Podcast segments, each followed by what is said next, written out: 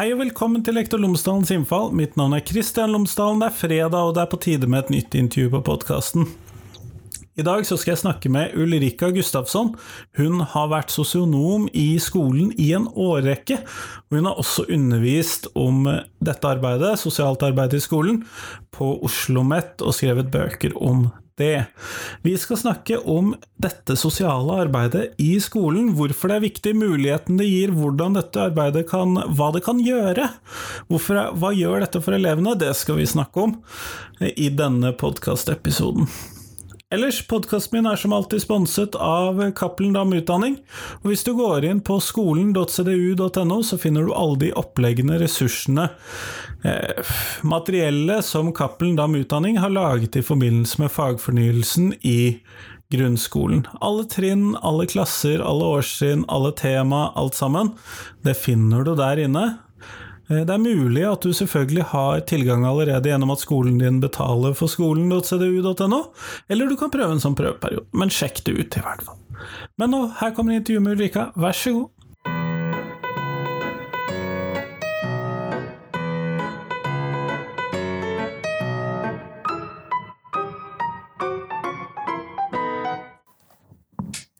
Ulrika Gustavsson, tusen takk for at du har tatt deg tid til meg i dag. Takk for at du har tatt deg tid til å lytte på meg. Eh, før vi starter selve samtalen, så hadde jeg håpet at du kunne fortelle lytterne mine tre ting om deg selv, sånn at eh, de kan få bli litt bedre kjent med deg. Ja.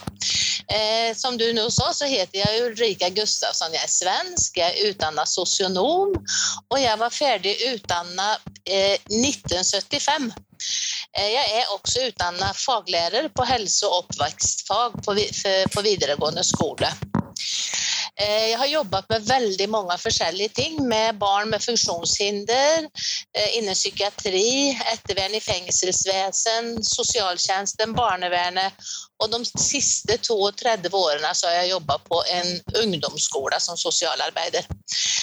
Eh, nå er jeg pensjonist, men jeg jobber på sosialt arbeid på Oslo OsloMet.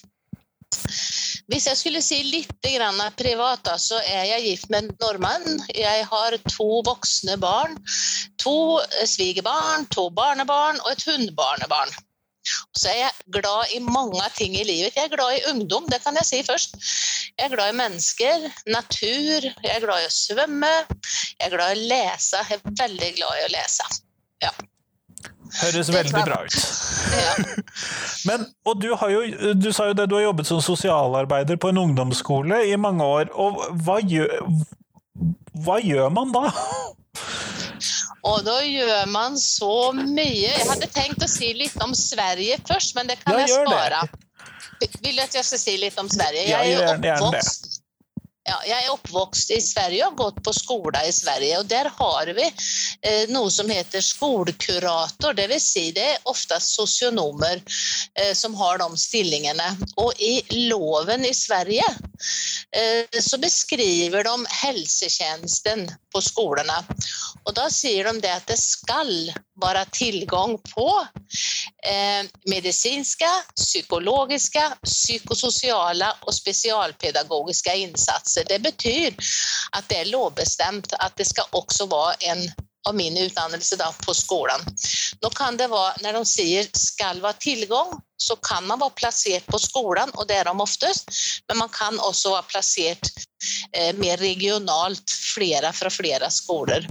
Men det vokste jeg opp med, og syntes at det var naturlig at eh, ungdommer som har behov, eller barn som har behov av forskjellige innsatser, altså ulik tilrettelegging, så er det flere ting. Det er ikke bare det faglige, pedagogiske, eh, det psykologiske, det medisinske, men det psykososiale har da i Norge, syns jeg, kanskje manglet litt den kunnskapen våre yrkesgrupper har. Da. For I Norge er det jo sånn at eh, vi kalles miljøterapeuter. Eh, og det er både barnevernpedagoger, sosionomer og vernepleiere som kan ha de stillingene. Da. Men det er opp til kommunen om man vil ansette en slik. det er ikke noe lovbestemt. Nei, for ja. Man må jo ha helsesykepleier, det må man ha, men man må da ikke ha miljøterapeuter. Nei, Og mitt inntrykk da, etter å ha fulgt med i dette i mange år, er jo at veldig mange skoler ønsker de her stillingene, for de har oppdaget de kunnskapene vi har, og hva vi kan bidra med inn i skolen. Ja. Så det, det hadde vært et ønske fra meg at det ble lovbestemt. Og det Ja, vi får håpe kanskje Kanskje det skjer. Det er en sånn, et krav nå om at man skal lovbestemme det som går eh, på sosiale medier og Utdanningsdirektoratet. Flere departement har vært inne i det her. Og vet at det er vel mellom 5000 og 6000 som har skrevet under på den kampanjen. Så jeg har et lite håp, men det går treigt. Det går veldig treigt. Ja, Det er kanskje ikke det som går fortest, nei, men hva er det du da gjorde da gjennom alle disse årene på denne ungdomsskolen? Ja, da Det er så mye som jeg kan si da hva jeg har gjort. Jeg har lyst til å starte egentlig med hvordan det var når jeg kom til skolen i 1987. Da tenkte jeg hva skal jeg gjøre som sosionom her? Jeg visste hva jeg, skolekurator gjorde i Sverige, men i Norge var det ikke kjent. Da observerte jeg mange år, faktisk, eh, hva kan jeg bidra med her? Jeg prøvde å skjønne hva elevene ønska, hva ledelsen ønska, hva lærerne, foreldrene hva de ønska min stilling. Og så jobba jeg meg sakte framover. Og tenkte at jeg må kombinere det med den kompetansen jeg har, slik at det passer sammen på en eller annen måte. Og så, så spurte du meg hva gjorde du for noen ting. Eh, jeg hadde masse samtaler med elever. Ulike typer samtaler. Det kan jeg komme inn på litt mer etter hvert. Jeg samarbeider mye med foreldre, foresatte. Eh, mye veiledning og samarbeid med lærere. Alt ettersom lærerne så hva jeg kunne bidra med, så var det veldig mye, mange lærere som ønska den hjelpen, på en måte, eller den veiledning, eller samarbeid, kan jeg også si. Eh, jeg samarbeida mye med andre etater. Barnevern, PPT, BUP, eh, habiliteringstjenesten, politi, utekontakt. Et, I den kommunen jeg har jobbet, har, vært, eh, har jeg opplevd et veldig fint samarbeid mellom de ulike etatene. Ja. Eh, så har jeg vært med på mange ulike aktiviteter. Aktiviteter i friminutt, Ehm, aktiviteter under ferier har vi også hatt. Vi har hatt frokostservering. Masse møter, tverrfaglige møter med foreldre, elev. Har hatt mange grupper, ulike samtalegrupper om ulike tema. Ja, det, det, var vel sånn kort. Det, det er bare fantasien som setter stopp for hva du kan gjøre som sosialarbeider Eh, i skolen. Men hva slags samtalegrupper? Dette syns jeg hørte Det er flere ting her som jeg syns hørtes veldig interessant ut, men eh, jeg vil starte på samtalegruppene. da, fordi Er dette da sånn med elevene som eh, hadde ulike ting å snakke om, eller hva var dette? Åh, vet du hva, Det er så morsomt å snakke om dette. fordi samtalegrupper Der hadde vi bl.a. Eh, en type samtalegrupper på niende trinn. Eh, og da eh, Det var jeg og helsesykepleier som var sammen. Eh, alle eh, elever fikk det tilbudet, og folk ville delta. Ønska å delta. Lærerne tok og eh, laga gruppene slik at det var grupper der de kjente hverandre litt fra før. Det var rene jente- og guttegrupper, for det ønska elevene. Vi ønska å sette sammen, men nei, de ville ha rene jente- og guttegrupper. Eh, det var tre ganger som vi samlades, og da hadde vi forskjellige tema som elevene kunne velge. Seksualitet, rus, følelser, mobbing, rasisme, digitalt omdømme, eh, altså med vold, eh, fritidsaktiviteter eller egne temaer. Og da er det sånn at noen grupper de diskuterte som med en gang kom i gang og syntes dette var kjempemorsomt og turte å si mange ting. Og andre grupper fikk vi leke litt for å få dem i gang og tørre å si noe. ikke sant? Litt, noen guttegrupper ville være litt voldsomme og leke litt voldsomt, men det gjorde ingenting. Eh, og så hadde vi noen samtaler av og til som var bare sånn vidunderlig fine. Der man kunne, altså, vi hadde en øvelse som heter aktivt verdivalg. F.eks. kunne vi stille et sånt spørsmål um, uh, Kunne du tenke deg et liv uten alkohol, f.eks.? kunne man spørre. Eller man kunne spørre syns du at en 16-åring er moden for sex? Og så fikk de stelle seg på ja, nei eller kanskje. Og når noen tør å stelle seg alene på et, eh, et ja eller nei, da får vi fine diskusjoner. Og da må jo vi voksne tåle det som blir sagt. Vi kan komme med våre meninger og håper vi blir respekterte for det. Og ungdommene fikk komme med sine meninger. Og, da, og så kunne man flytte seg underveis i samtalen når man hørte et argument fra en annen elev. Og jeg tror kanskje den type å jobbe med holdninger hos unge mennesker er bedre enn at vi voksne står og doserer en del ting. Da. Den typen holdt jeg på med i mange år, eh, og forandra litt underveis alt ettersom elevene eh, ønsket. Eh, så hadde vi samtaler om uh, seksualitet. Det var noen, da kunne lærere komme og si at jeg opplever det og det i min klasse, og de og de jentene. Kan dere lage en gruppe? Da gjorde vi sånn at vi søkte litteratur og forskning på det før vi lagde et tilbud. Vi har også hatt om spising, eller spising, ikke spisevansker, kroppspress og sånne ting. Så vi har hatt mange ulike ting. Den for niende har gått igjen gjennom alle år. Og så har vi hørt på elevmassen og på lærerne hva de har ønsket. Og psykisk helse har vi også hatt en del grupper på. Det har variert litt ut ifra skolens, elevenes behov. da. Ja, for det varierer vel litt eh, fra tid til annen? Ja, det gjør det. det gjør det. Ja da. Eh, men dette har da vært et populært tilbud blant elevene, da, eller? Ja, det er mange som kommer tilbake etter mange år og sier at det husker de. Eh, jeg tror jeg skal ta et eksempel til. Eh, det var en eh, klasse der det var en del mobbing. I den klassen så fantes det tøffe Det var jentegruppe. Tøff, jenter som var litt sånn, hva skal vi kalle dem for? Eh, tøff, tøffe jenter som støtta hverandre på en måte og var en liten minigruppe. Så var det noen som var veldig utenfor. Så var det noen som var, hadde hva skal jeg si, veldig høyreekstreme synspunkter. Eh, og noen utenlandske. Her var det masse spenninger, eh, brå konflikter. Og jeg syntes dette var veldig utfordrende og spennende. Vi holdt på et helt år. Jeg tror jeg hadde 15 jenter inn på rommet mitt. Og jeg tenker at det er at konfliktene fikk lov å komme opp. Og jeg var til stede hele tiden og orka å høre på alt, og tålte det. Etter et år, når vi hadde hatt mye gråting, mye sinne, mye eh, sjenerthet, så slutta det med en så fint miljø i den klassen. Og der kom det en jente tilbake etter et par år og sa at dette glemte hun aldri. Men jeg er nesten usikker på om jeg hadde turt å gjøre det en gang til, for det var voldsom aktivitet i den gruppa kun, noen kan sikkert reagere på det, men jeg tenker ta opp konfliktene, se på dem og jobbe med dem.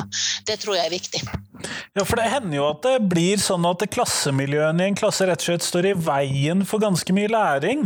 Mm, mm. Da har jeg lyst, vet du hva?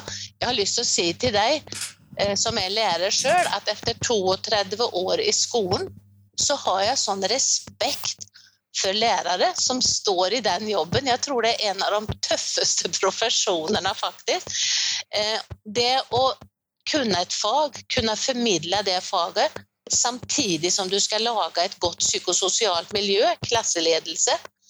Samtidig skal du forholde deg til hver enkelt liten individ.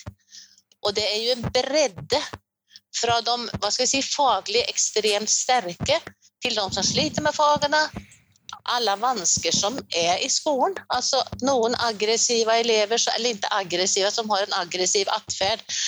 Eh, sjenerte, tilbaketrukne. Barn som har vansker hjemme, som utagerer på en eller annen måte. alt dette skal du på en måte klare av. Og foreldre er også veldig ulike i sitt forhold til skolen. Og jeg må si det at jeg er glad at jeg ble sosionom og ikke lærer. Altså, og når vi får til et godt samarbeid der jeg skjønner lærerens situasjon, og læreren skjønner min, så er det et så utrolig spennende samarbeid som kan utvikle seg. At jeg forstår at eh, læreren står i en annen situasjon enn meg, som har eleven for seg selv. Sånn. Og at vi kan samarbeide og utbytte eh, inntrykk da, av eleven og hvordan vi skal gå videre. Jeg har vært mange ganger før sammen med lærere i klassen. Og da har jeg av og til tatt lærerrollen for å føle på hva læreren opplever. Og så kan læreren studere meg. Det tror jeg egentlig er ganske viktig for at vi skal få respekt for hverandres profesjon. Ja. Og så er det jo noe der med at man har forskjellig fokus, for når jeg skal stå i klasserommet, så skal jo jeg kanskje primært, det kan man jo diskutere hva jeg som lærer skal gjøre, men kanskje primært lære bort fag, og så er de et eller annet sted mellom 20 og 32 stykker i klasserommet som alle har sine behov. så du vil jo kanskje da i mye større grad ha muligheten til å følge opp hver enkelts situasjon. Kanskje ikke faglige eh, fremgangen, men hver enkelt situasjon. Ja, det, men det er det som er så spennende, vet du. fordi altså, vi skal jo ikke konkurrere Nå er jo jeg utdannet lærer også, men vi skal jo ikke konkurrere med hverandre. Jeg har ikke tenkt å overta lærerrollen. Og jeg tror ikke læreren har tenkt å overta sosionomrollen. Men vi bidrar sammen til noe som kan bli veldig fint. Når vi blir trygge på hverandre. At vi ikke konkurrerer på en eller annen måte. Og det vet jeg etter 32 år at det er veldig mulig. Veldig mulig. Skolen er jo en utrolig spennende arbeidsplass, det må jeg si. Utrolig spennende. Men før du spør meg om noe, får jeg si noe mer om eh, samtaler? Det får du. ja. For du spurte meg hva slags samtaler. Og for meg så har jeg vært vant med, eller opplevd at det er elevsamtalen og utviklingssamtalen i norsk skole. Eh, jeg har hatt mye kontakt med Svensk skolkuratorforening. Og der har de en liten brosjyre der de beskriver hvilke samtaletyper vi kan bidra med inn i skolen. I pedagogisk litteratur så er det jo ofte beskrevet den vanskelige samtalen. Eh, og der tenker jeg at vi har noe kompetanse å komme inn med. Det kan altså være en krisesamtale i forbindelse med dødsfall, sykdom, skilsmisser, omsorgssvikt, ulykker. Det kan være bearbeidende samtaler, eh, barn som har opplevd forskjellige ting i familien som må bearbeides, da, i samarbeid med andre etater, naturligvis. Ehm, det kan være motiverende samtaler. Motivere for skolearbeid, motivere for å søke hjelp hos andre hvor min kompetanse ikke er nok. Eh, det kan være klassesamtaler sammen med lærer. Det kan være som sagt være samtalegrupper. Så jeg syns akkurat de støttesamtaler også hadde jeg veldig mange. Og det kan jo være i forbindelse med angst, depresjon, eh, ensomhet, sykdom, grublerier av forskjellige slag. Og at man kan støtte opp, ikke forsøke å forandre noe, bare vise at det fins en voksen som har ha litt tid og lytte til deg, og se etter ressurser som eleven har også. Ja, for det skjer jo ganske mye i livene til disse elevene mens de går på skolen. Jeg mener, dette er jo en ganske lang tidsperiode? Ja, det er det, vet du. Jeg har lyst til å si det at for meg som har jobba her i 32 år, så har jeg tenkt dette jobben her, den er utrolig positiv. Den er så variert. Den er krevende, spennende, givende, men noen ganger utrolig slitsomt og sørgelig. Men det har ikke vært en kjedelig dag. Jeg har møtt ungdom med selvskadingsproblematikk, angst, depresjon, tvangstanker, ensomhet, sorg, konflikter, mobbing, spisevansker, for å nevne noen da, av eh, de uh, temaene som kan være aktuelle. Og jeg tenker, For meg da, som sosialarbeider eh, på en ungdomsskole så, så, måtte jeg ha kunnskaper om veldig mange ulike tema. Eh, de som jeg nå nevnte, men også ulike traumer, omsorgssvikt, skolevegring, kjønnsidentitet og eksistensielle tanker. Hvis vi får tid i dette intervjuet å prate litt om eksistensielle tanker, så vil jeg gjerne ta opp det også etter hvert. Det høres bra ut. ja. Men disse samtalene, eh, fordi at disse som du har nevnt nå etter hvert, de har jo da kanskje oftere vært sånn enesamtaler, komme inn, drikke litt kakao, den typen, uh, sitte og prate litt? Eller var det også sånn type gruppesamtaler? Uh, hvordan var det? Eh, når det gjelder de her eh, tvang, tvangstanker, depresjon, ensomhet, så er det klart så er det jo enesamtaler. Det er litt med taushetsplikt og sånne ting, da. Ja. Jeg, har, jeg, har, ikke vært så flink med det her med kakao og for mye kos. Ikke for å være, ikke for å være ubehagelig mot elevene, men eh, det må være en balanse der. Det, det, jeg vet at ikke det er koseprat, men det, det, skal ikke bli det heller. på en måte. Det er en liten fare der. En bitte liten fare på at det kan bli um, For å komme litt unna sånn. Nu, det er ingen stor fare, men den er der, og man skal være litt observant på det, tror jeg. Nettopp, nettopp. Men ja. du nevnte dette med eksistensielle spørsmål, og vi kan gjerne gå dit jeg skjønner jo det at i 14-årsalderen eller 10-årsalderen eller 16-årsalderen for den saks skyld, så er det mange eksistensielle spørsmål. Så hva er det særlig du har møtt på der? Eller hvordan, møtt, eh, hvordan må man møte det? Nei, altså Første gangen en elev titta på meg og sa 'Ulrika, hva syns du er meningen med livet?' så må jeg si at jeg nesten ble litt Jeg ble ikke stum, men jeg jeg tenkte, tenk hva mange som sitter og tenker over det. Mange opplever jo familier der det er mye stress, der det er ikke, ting som ikke er så hyggelig. da. Um, og de undrer på hvordan skal mitt liv bli, hvorfor lever vi?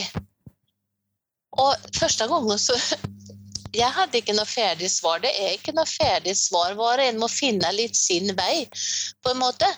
Men jeg syns at bare det at den, de er jo 12-13 år når de begynner opp til 16, og får lov å være med i deres reise til, mot et voksent liv.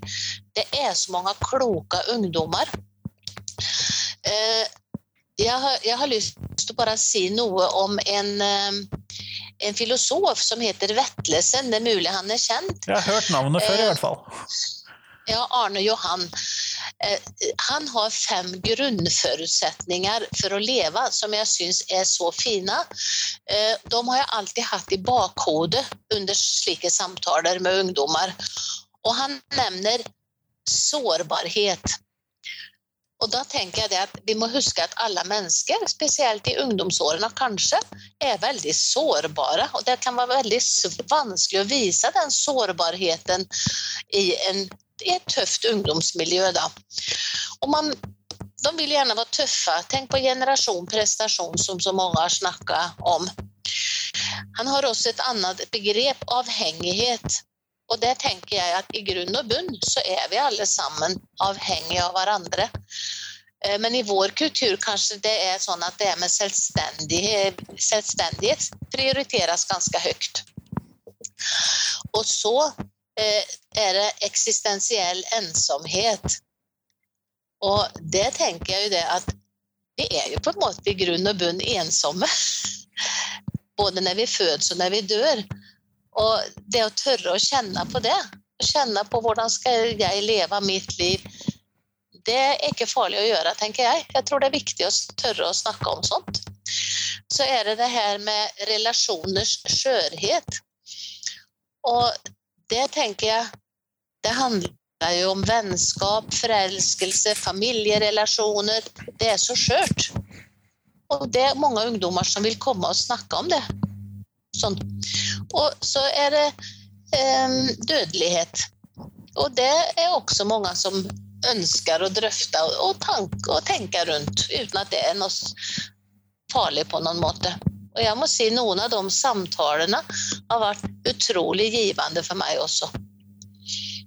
jeg hadde en liten jente, jeg anonymiserer jo det jeg forteller nå, som kom løpende inn på kontoret. Jeg hadde ikke sett henne før. Og så sa hun du, bestefaren min døde i går. Du må hjelpe meg. Jeg vil skrive en tale til honom. Og så satte vi oss ned og skrev. Hun fortalte om far, bestefar og hva han ville si. Og så gikk hun igjen. Jeg så henne ikke mer, men hun ville ha en liten drøfting. Ja, det er sånne situasjoner som har vært så fint. At de tør å komme og gjøre det sitt, for sitt eget behov, da, på en måte. Og det skjønner jeg, for det er jo mange krevende sånne situasjoner når man er i den alderen. Ja. Og du, selv for oss voksne så er det jo vanskelig å vite hvordan vi skal håndtere de situasjonene. Ja, ja det er det. Nå er det jo sånn at jeg, jeg begynner jo å bli litt eldre. Jeg nærmer meg jo 70 år. Jeg, jeg er ikke så redd for så veldig mye. Og jeg syns bare det at å få den æren, eller den hva skal vi si, til, tilgivenhet, og at mennesker ønsker å prate om det som er viktig for oss alle, det er så stort. Jeg har tatt med eh, noen sånne små sitater fra ungdommer som jeg lurer på om jeg kunne få lese opp for deg. Gjør gjerne det. Ja. Eh, jeg har jo i årenes løp fått veldig mange tegninger, dikter. Jeg har bl.a. en dikt fra en elev som skada seg veldig mye. Hun beskriver selvskadingens psykologi, kan jeg nesten si. Det, det diktet sa meg mer enn alle mulige bøker om emnet. Eh, så jeg bruker, anonymiserer selvfølgelig veldig mye dikt og tegninger fra elever som jeg har fått i årenes løp. Men jeg skal lese opp noen fine små sitater fra elever. Noen er litt humoristisk, men de fleste er kanskje litt triste, tror jeg. Da er det jo, det er jo anonymiserte navn. og det regner jeg nesten med. ja da, det er best å si det. Sivert i åttende klasse går til kontoret på skolen og spør hvor sitter synonymen. Han mener selvfølgelig sosionomen. Jeg syns det var et veldig artig begrep. Hvor sitter synonymen? Han ville snakke med meg om noen elever i sin klasse som ikke tok skolearbeidet seriøst og hørte ikke etter hva lærer sa. Han syntes at det var et problem og lurte på, søkte hjelp på hva han skulle gjøre. Ida går i tiende klasse. Jeg har aldri glemt hennes ord. Hun sa jeg vil egentlig ikke dø, men jeg vil ikke leve heller. Det syns jeg var Det fikk meg en veldig innsikt på hvordan hun hadde det, den starten der. Britt går i åttende klasse og skulle forklare meg hva en psykisk vanske er for noe. Da sa hun alle mennesker har en psykisk helse, og noen mennesker har en litt større psykisk helse. Det syns jeg var en nydelig forklaring. Helt enig. ja, det er så fint. Ungdommer skjønner veldig mye. Et spørsmål som har gått igjen, det har jeg sagt da, eh, under årene, er jo Ulrika, hva er egentlig livets mening? Og jeg husker, som jeg sa, så husker jeg veldig godt når jeg fikk det spørsmålet første gangen. da. Ja. Det var bare noen små ekstra samtaler jeg har hatt, da. Ja, jeg, jeg, tror jeg fortsetter litt, jeg nå. Gjør det. eh, nå er det jo sånn at vi snakker veldig mye om ungdommers psykiske helse. Og, eller uhelse i skolen. Um, vi kan skille på vansker og lidelser. Altså lidelser, da har du jo fått en diagnose. En vanske, en psykisk vanske, er jo noe som vi alle kan oppleve under livets gang, og kanskje mange ungdommer i den perioden de er, opplever det ekstra sterkt. Um, ofte så ser jo skolen på uh, psykisk helse i et medisinsk perspektiv. Og jeg tenker mange ganger at det kan handle om sosiale vansker eller eksistensielle vansker. Det handler, jeg har ofte tenkt at det handler om mer normale følelser når man er ung og vokser opp. Og, og de kan ha store utfordringer i hverdagslivet uten at man trenger å kalle det en psykisk stor psykisk vanske.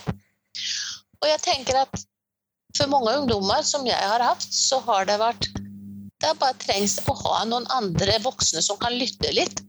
og normalisere det som hører til livet, på en måte.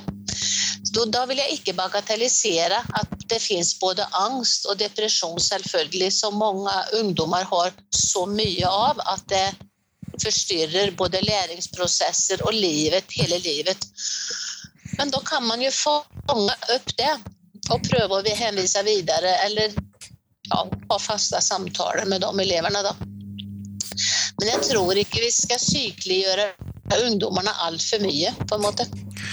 Nei, og det er jo viktig i seg selv. Ja. Men eh, hva tenker du, fordi at man kan jo Ofte så blir det jo sånn at arbeid vi gjør i skolen eller i andre deler av samfunnet fort blir reparasjon heller enn forebygging. Tenker du at sosialarbeideren kan, eller miljøterapeuten eller sosionomen, eller hvilken tittel man da har, kan bidra til at det forebyggende arbeid i skolen?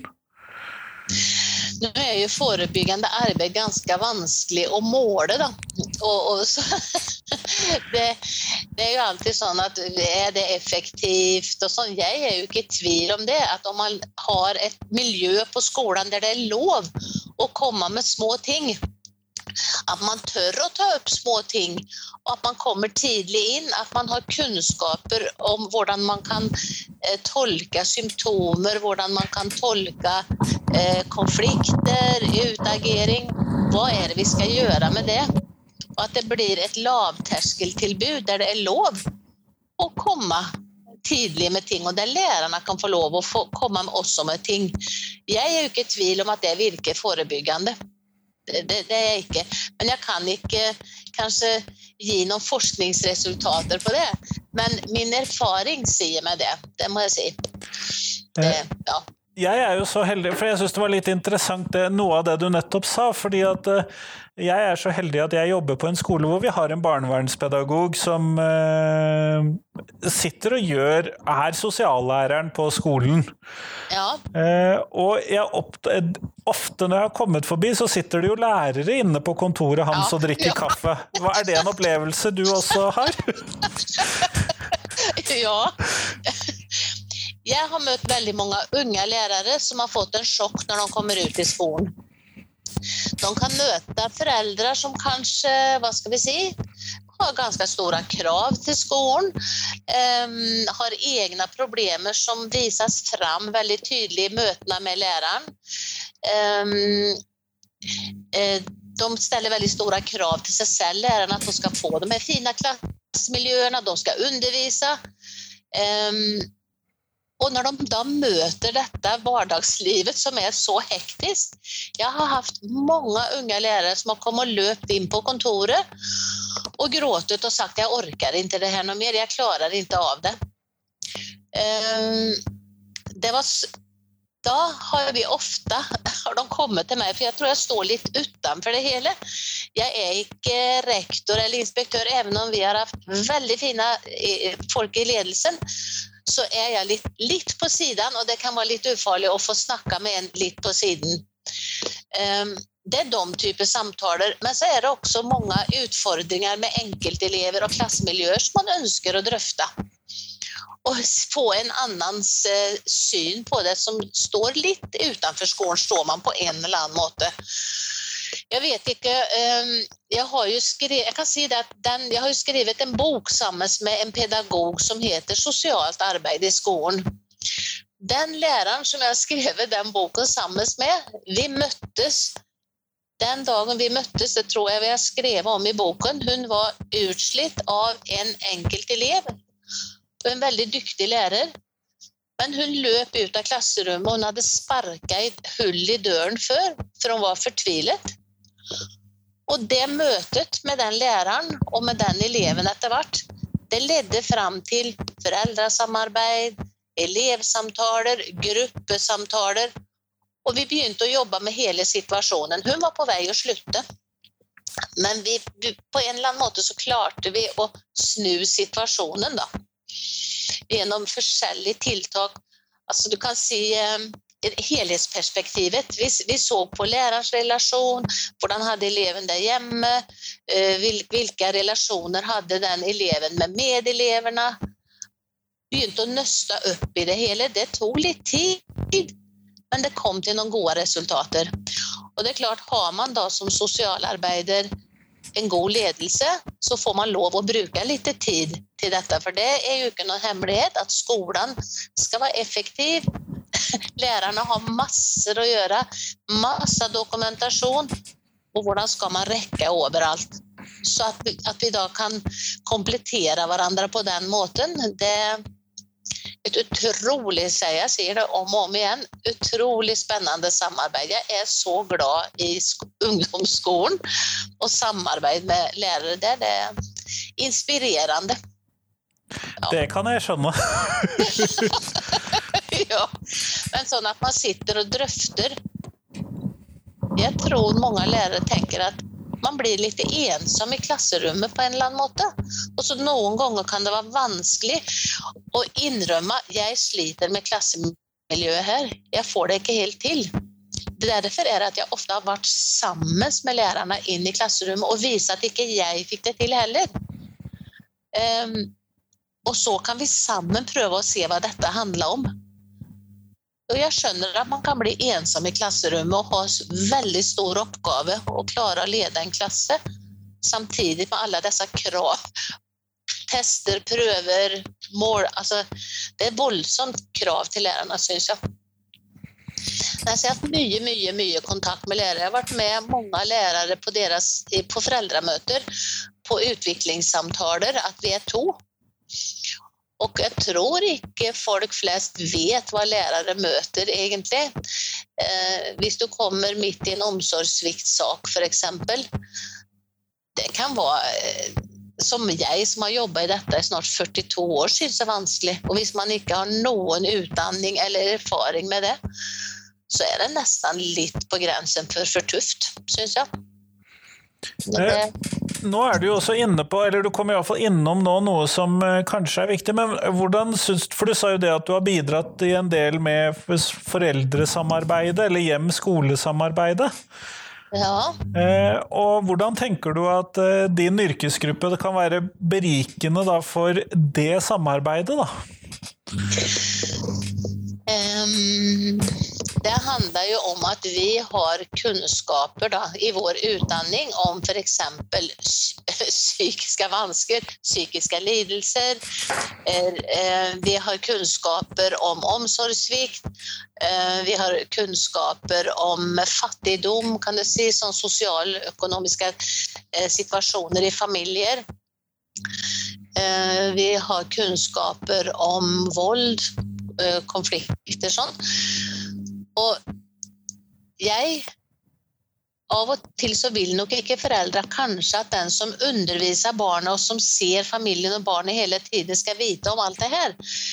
Mitt utgangspunkt er at jo mer læreren får vite og forstå elevenes um, atferd i klassen, desto bedre. Men jeg skjønner også om man som forelder f.eks. For har et stort alkoholproblem, så er det kanskje ikke det første man vil fortelle til læreren. Jeg tror, det tror jeg jeg har erfart at det er lettere med noen som står litt utenfor. Hvis jeg da tenker at det handler om noe sånt, så har jeg ofte tilbudt foreldre å komme til meg i en samtale. Og så på sikt informere videre til læreren, på en måte. Og det har vært flere ganger. Jeg kan jo også si det her med taushetsplikten, da. Ja, gjerne det.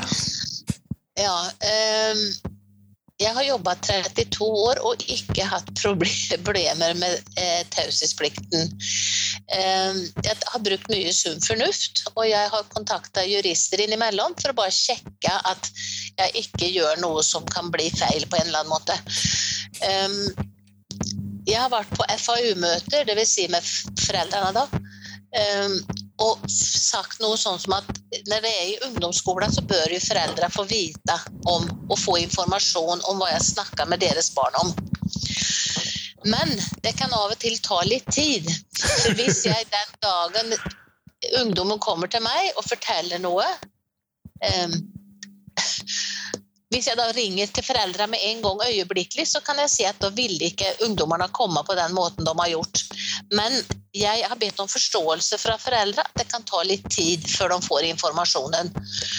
Um, Og da kan jeg hjelpe ungdommen. Jeg kan være med dem sammen med foreldre og formidle det som har vært vanskelig.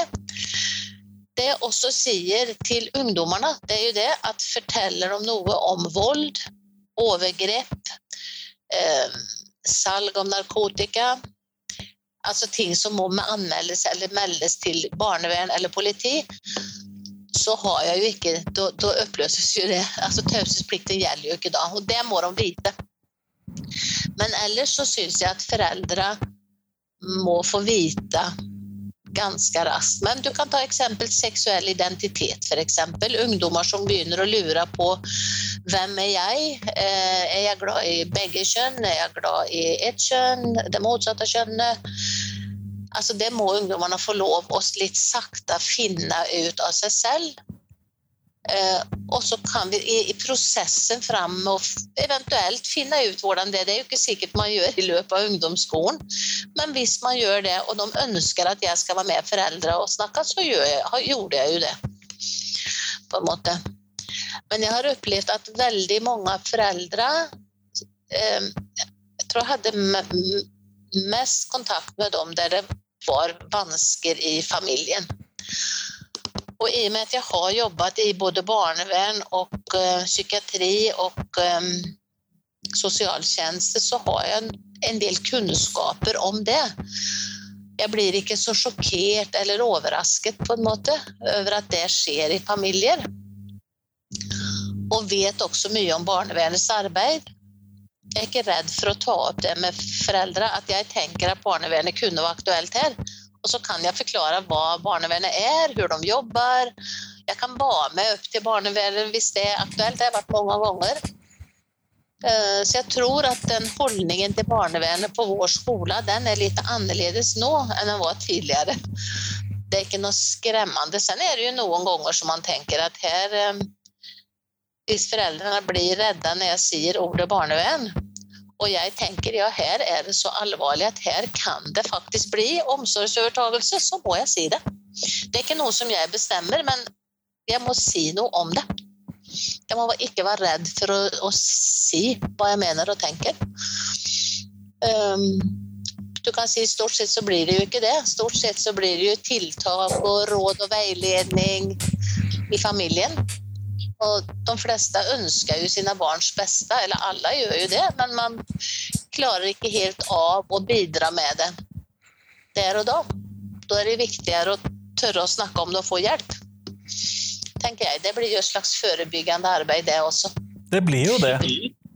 Vi har hatt flere sånn foreldremøter jeg presenterte meg alltid hvert år i alle nye klasser og i alle foreldremøter og sa hva jeg kunne bidra med. Prøvde å formidle min holdning til barnevern og BUP også, da. Ufarliggjøre litt, på en måte. Sånn. Men sen er det jo noen ganger selvfølgelig at situasjonen er så alvorlig at man kan ikke drive og ufarliggjøre. Her må man altså hvis et barn opplever sterk vold eller et overgrep, så må man bare agere. Ja. Men hvis vi skal trekke dette litt sånn opp på et litt sånn samfunnsnivå eh, ja. Hva tenker du er fordelen for Skole-Norge ved at vi har flere som deg ute i skolene, da? Eh, da tenker jeg jo det som du har sagt, da, at jeg tenker det vil virke forebyggende på en måte um, at, de, at, ungdommene får hjelpen der de er. Um, jeg vet ikke, jeg har skrevet en masteroppgave om dette. Jeg har intervjua elever. Um, skulle man nesten lest noen eksempler på hva ungdommer til å si, for de er jo bare så utrolig flinke å uttrykke seg. Men de, de nevnte jo det at det å kunne få hjelp der man er hver dag, vi er hver dag på skolen en person vi kjenner til, som vi ikke er redde for. Veldig mange eh, blir engstelige når de skal sendes langt bort til BUP, til en samtale til noen de ikke kjenner. Eh, altså jeg med min yrkesbakgrunn kunne jeg jobba på BUP. Og da tenker jeg at det er fint at den kunnskapen flyttes til skolen for å virke forebyggende. Eh, jeg vet jo at det er noen skoler som nå også får psykolog. Jeg vet også at det har vært um, forskning på at BUP har jobba ute på skolene jeg har ikke noe imot det. Jeg ønsker all slags hjelp inn i skolene. Men jeg syns vår yrkesgruppe hadde vært så naturlig at vi var der. Forebyggende og fånge, avlaste lærerne framfor alt, tenker jeg faktisk. Avlaste lærerne, jobbe forebyggende med større vansker. Omsorgssvikt, komme inn tidlig. Eh, psykiske vansker, komme inn tidlig. Eh, forebygge og litt ufarliggjøre også. Ja. Jeg tror det er sånn jeg tenker i forhold til skolen. Og sen er det jo sånn at Mislykkes man i skolen, så er det jo dessverre mye forskning som sier at man Livet går ikke helt så bra senere heller. Da. Hvis skolen er jo så viktig. Og da må man jo samle alle de kreftene man kan. da. Både faglige, pedagog, altså pedagogiske, medisinske, psykososiale. Det henger så tett sammen. For å få en øh, få folk ut i livet. Unngå at de havner på Nav, unngå at de havner innen psykiatri og sånn. Nå klarer vi jo ikke å redde alle, naturligvis, men Vi kan redde flere! Ja. ja, det kan vi. Ja. Og det som morsomt. Jeg kan si til deg er at mange, mange elever har ringt meg etterpå. Eh, og de har det ikke gått så bra med, da, noen av dem. Men de ville på en måte at da kan det ha vært Nav eller psykiatrien som har ringt og frågat om hvordan hadde ungdommen det på skolen. Og det å kunne bidra med å forklare noe av situasjonen som var i ungdommen, det syns jeg også har vært fint. For det er jo noen som har usedvanlig mange eh, omstendigheter rundt seg som gjør at det er veldig vanskelig. Da. Nettopp, nettopp. Og da tenker jeg også at man, at man kan være så lenge som jeg har vært. Jeg har nå kjent både bestefar og bestemor. Og, så, og det er litt morsomt. Da blir man ikke så farlig. vet du. Jeg jobber jobba i barnevern òg, og hadde sikkert det, Jeg er ikke farlig. Nei, eh, det klarer jeg fint å se for meg. Eh, men vi går mot slutten Ulrika, av tiden vår, og da eh, vil jeg stille deg det samme spørsmålet som jeg stiller alle jeg intervjuer. Og hva er de tre viktigste tingene som skolen lærer elevene? Altså, jeg er jo av den formeningen at det faglige er veldig viktig også. Man må ikke glemme at det er en skole, og for å klare seg i livet og få et yrke, så må man kunne det faglige. Det syns jeg er viktig. Så syns jeg det er viktig sosial situasjon, hvordan vi omgås med andre. Med oss selv og med andre. Eh, personer, familien, venner, og lære seg sosial kompetanse. Og så tror jeg at jeg må si det siste. Hvis skolen kan lære både oss voksne og barna solidaritet med hverandre, på en måte. Litt toleranse. Solidaritet med andre mennesker, tror jeg nå at jeg vil si da. Kjempeflott. Tusen takk for at du tok deg tid til meg i dag, Ulrika. Ja, takk for at jeg fikk være med og prate og snakke om mitt elsklingstema. det er viktig. Ja, det er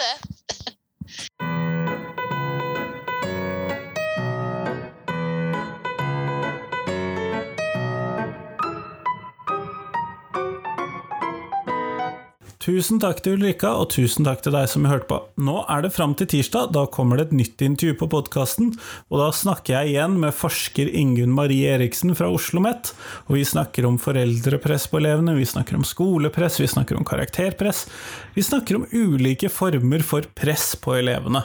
Så det blir interessant. Ellers, jeg håper du har hatt en god skolestartsuke hvis du startet denne uken. Hvis ikke, så håper jeg at du har hatt gode planleggingsdager hvis du starter til eh, mandag. Og så håper jeg at eh, det ikke var altfor hardt å starte på'n igjen etter sommerferien hvis du er lærer. Jeg håper det var fint å få ungen ut av huset hvis du bare er forelder. Bare og bare. Og jeg håper at uh, du har hatt en fin uke. Hei, hei.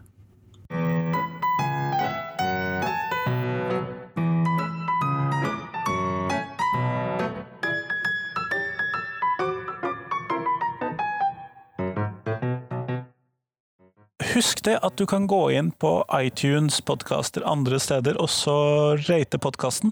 Det blir jeg kjempeglad for. Gjerne full pott, selvfølgelig. Men vi høres!